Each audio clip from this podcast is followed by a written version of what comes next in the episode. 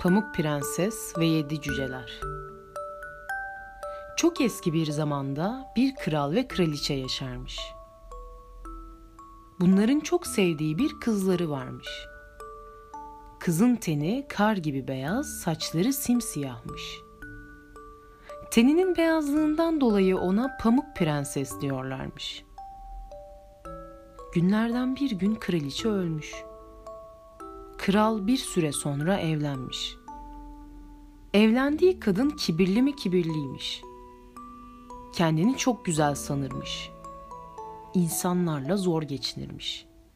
Sadece kendisini beğenirmiş. Kendisinden daha güzel birisi olamayacağını söylermiş. Bu kadının büyülü bir aynası varmış. Her gün aynaya "Ayna ayna, söyle bana. Benden daha güzeli var mı dünyada?" diye sorarmış. Ayna, "Sizden daha güzeli yoktur efendim." dermiş. Gün gelmiş, Pamuk Prenses büyümüş. Genç kız olmuş. Güzelliği tüm ülkede söylenir olmuş. Bir gün kraliçe üvey kızı Pamuk Prenses için söylenenleri duymuş. Aynaya, "Ayna ayna, söyle bana, benden güzeli var mı dünyada?" diye sormuş. "Senden güzeli Pamuk Prensestir kraliçem." demiş ayna. Kraliçe hemen bir adamına gizlice Pamuk Prensesi öldürmesi için emir vermiş. Adam bir gece Pamuk Prensesi saraydan kaçırmış. Onu ıssız bir ormana götürmüş. Ormanda onu öldürmek istemiş. Pamuk Prenses'in güzelliğine bakıp onu öldürmeye kıyamamış. Pamuk Prenses'i orada bırakarak saraya gelmiş. Kraliçeye Pamuk Prenses'i öldürdüğünü söylemiş. Issız ormanda tek başına kalan Pamuk Prenses dolaşırken minicik bir ev görmüş. Sessizce içeri girmiş. Orta yerde küçücük bir masa, üstünde güzel yiyeceklerle dolu yedi minik yemek kabı ve içinde birer yudum su bulunan yedi küçük bardak bulunuyormuş. Pamuk Prenses çok acıkmış olduğundan hepsinden birer minicik parça yemiş. Her bardaktan da birer küçük yudum su içip yorgunluktan bitkin yan yana duran yedi küçük yatağa uzanmış. Hemen uykuya dalmış.'' Akşam olunca evlerine dönen cüceler yataklarında yatan Pamuk Prenses'i görmüşler. Cüceler telaşla etrafta koşuşurken Pamuk Prenses uyanmış. Başından geçenleri yedi cüceye anlatmış. Cücelerle dost olmuş. Kraliçe Pamuk Prenses'in öldüğünü sanıyormuş. Bir zaman sonra tekrar aynaya sormuş. Ayna, Ormanda yedi cücelerin evinde bulunan Pamuk Prenses sizden daha güzel demiş. Kraliçe adamın kendisini aldattığını anlamış.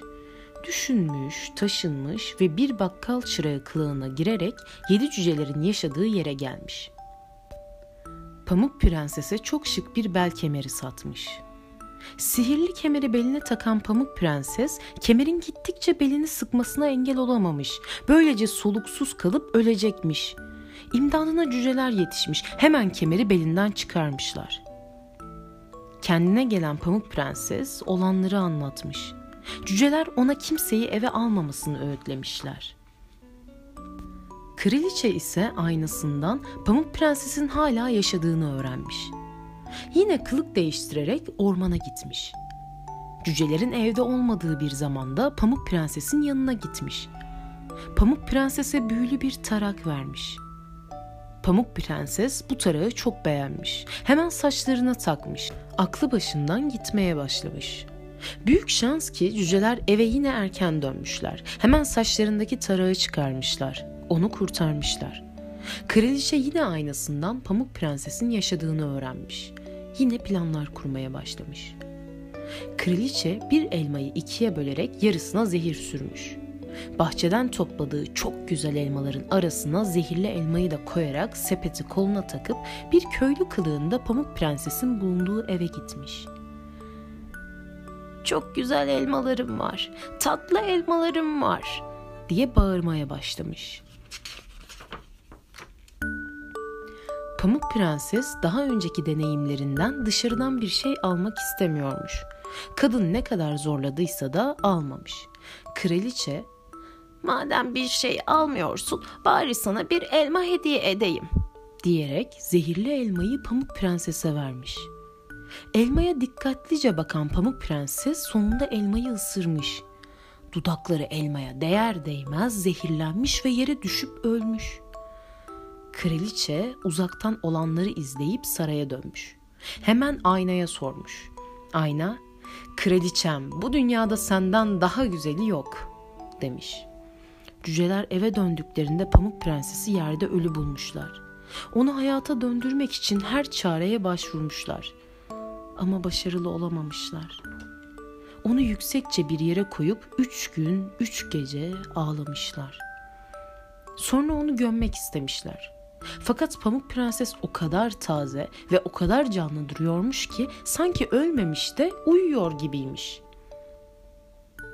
Bunun için cüceler ona camdan bir tabut yapıp Pamuk Prensesi içine yerleştirmişler. Uzun zaman böyle kalmış Pamuk Prenses.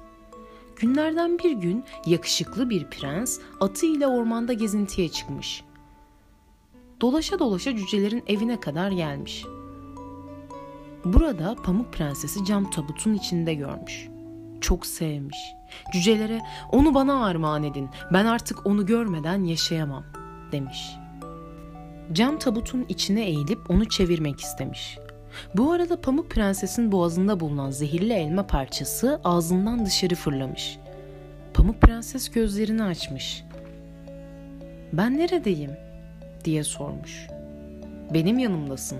demiş kralın oğlu ve bildiklerini anlatmış. Pamuk Prenses kralın oğlunun yanında kendini iyi hissetmiş. Birlikte onun sarayına gitmişler. Orada çok güzel bir düğün yapmışlar. Kötü yürekli üvey anne de bu düğüne davetliymiş. Salona girdiğinde Pamuk Prensesi hemen tanımış. Çok korkmuş. Onu çoktan öldü sanıyormuş. Pamuk Prenses yaşadıklarını anlatınca kraliçeyi yakalayıp cezalandırmışlar. Pamuk Prenses ve eşi mutlu yaşamışlar. Kötüler de cezalarını çekmiş.''